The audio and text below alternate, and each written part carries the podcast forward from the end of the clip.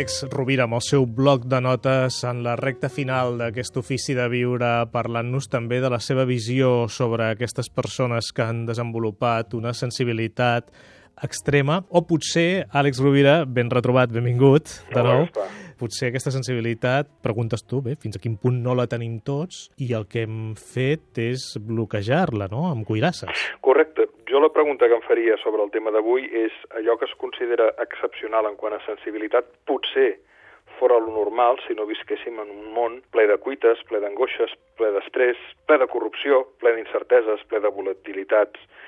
Um, probablement tots tenim la capacitat d'escoltar-nos, escoltar el cos, escoltar l'altre, escoltar les emocions, eh, meditar i veure com funciona la nostra ment, però senzillament eh, en el dia a dia i en les cuites perdem aquesta capacitat. Les persones que, per una predisposició natural, genètica o adquirida, encara la mantenen, les considerem anormals, quan entenc que en un estat de salut i d'equilibri tots hauríem de tenir aquesta sensibilitat, el que sigui en el patiment aliè, en les molèsties físiques que tenim, a qualsevol qüestió. Per tant, jo posaria aquí l'exemple de, si em permets, els canaris i les mines. Saps a què em refereixo, Gaspar? Bé, un dia fa anys ens, ens vas esmentar aquest exemple, però penso que val la pena eh, recordar-lo. La idea és molt senzilla. A les mines, abans, el detector natural que tenen davant d'una fuita de gas o d'un gas tòxic que pugui manllevar la vida de la gent que està treballant a la mina és posar un canari que és groc, que és vistós, a la gàbia, a dintre d'una gàbia, a la que el canari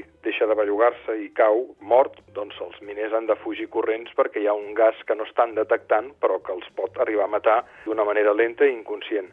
Els canaris són la gent eh, absolutament sensible, són aquelles persones que normalment detecten abans que els altres que les coses no van. En ells, en la relació, en la societat, en el món. Per tant, jo canviaria la mirada i diria que això que es considera una normalitat hauria de ser lo normal i que probablement els que estem malalts som els que no ens adonem d'allò que passa perquè no tenim la sensibilitat. I, Àlex, tu que viatges molt, què ens està passant, no? que estàs veient també i fins a quin punt aquesta falta de sensibilitat també cap al nostre entorn i cap a desconnexió també de nosaltres mateixos és generalitzable a Occident, no? Jo crec que sí, perquè hi ha un excés d'estimulació i al final genera això una banalització. Jo recordo quan era petit i veiem la imatge d'un atemptat, quedàvem tots eh, absolutament esturats a casa i es feia un silenci i es produïa una conmoció. Actualment tu veus imatges de desgràcies i hi ha persones que n'estan tan acostumades que poden seguir mastegant el sopar mirant la televisió i veient l'escena dramàtica. Crec que per un excés de sobreexposició hi ha hagut una banalització d'allò que és essencial i crec que com a societat ens hauríem de qüestionar moltes vegades què estem fent malament respecte a la banalització d'això. A mi no em deixa de sorprendre que munten les notícies tot seguit d'una notícia dramàtica es posin a parlar d'esports com si res no hagués passat. D'acord que hem d'informar i ho hem de fer, però no, el problema no està en els que emeten la notícia, el problema està en com nosaltres estem perdent la capacitat de digerir, de digerir i assimilar allò que està passant al món, especialment amb allò que té a veure amb el patiment de, de l'ésser humà. Sí, sí, no, no, i parlant de digerir, és clar, si estem sopant una truita mentre veiem aquelles imatges, allò va cap a dins també, encara que no ho sembli. Probablement la qüestió vingui per aquí, que estem banalitzant tot i vivim en una societat hiperestimulada on cada cop es busca més l'estímul intens i no l'estímul profund i són coses molt diferents, no? Sembla que, evidentment, la, la intensitat genera addicció, l'addicció que genera l'adrenalina, i jo crec que cada cop precisament es detecten, es detecten més casos de síndrome de fatiga adrenal perquè cada cop hi ha més persones que van totalment, sense saber-ho, addictes a l'adrenalina i perden la sensibilitat, evidentment, perquè l'adrenalina el que et fa és, és no sentir per fugir, per sobreviure, però quan ja la portes tan a sobre perquè vius amb un nivell d'estrès tan gran fins que el cos no et peta. Aleshores sí, quan el cos peta i la gent ha d'estar a casa i cuidar-se i guarir-se i, i observar com passa el temps i ser pacients, aleshores comencen a donar-se del cant de l'ocell, de com neix la flor, d'altres coses que estaven allà però que no les veien. És un mecanisme pur de percepció selectiva.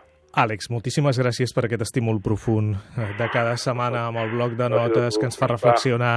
Fins ben aviat a l'estudi. Una abraçada a tots. Una forta abraçada. Gràcies.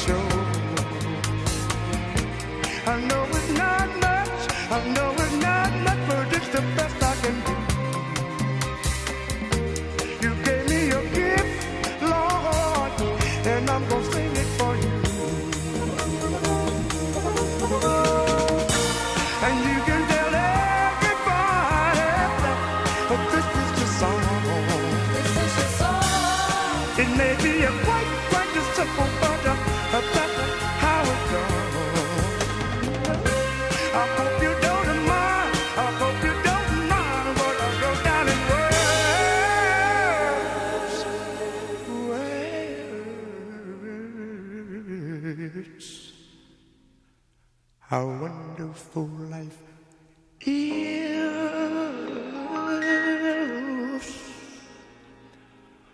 when you're in the world, world, world.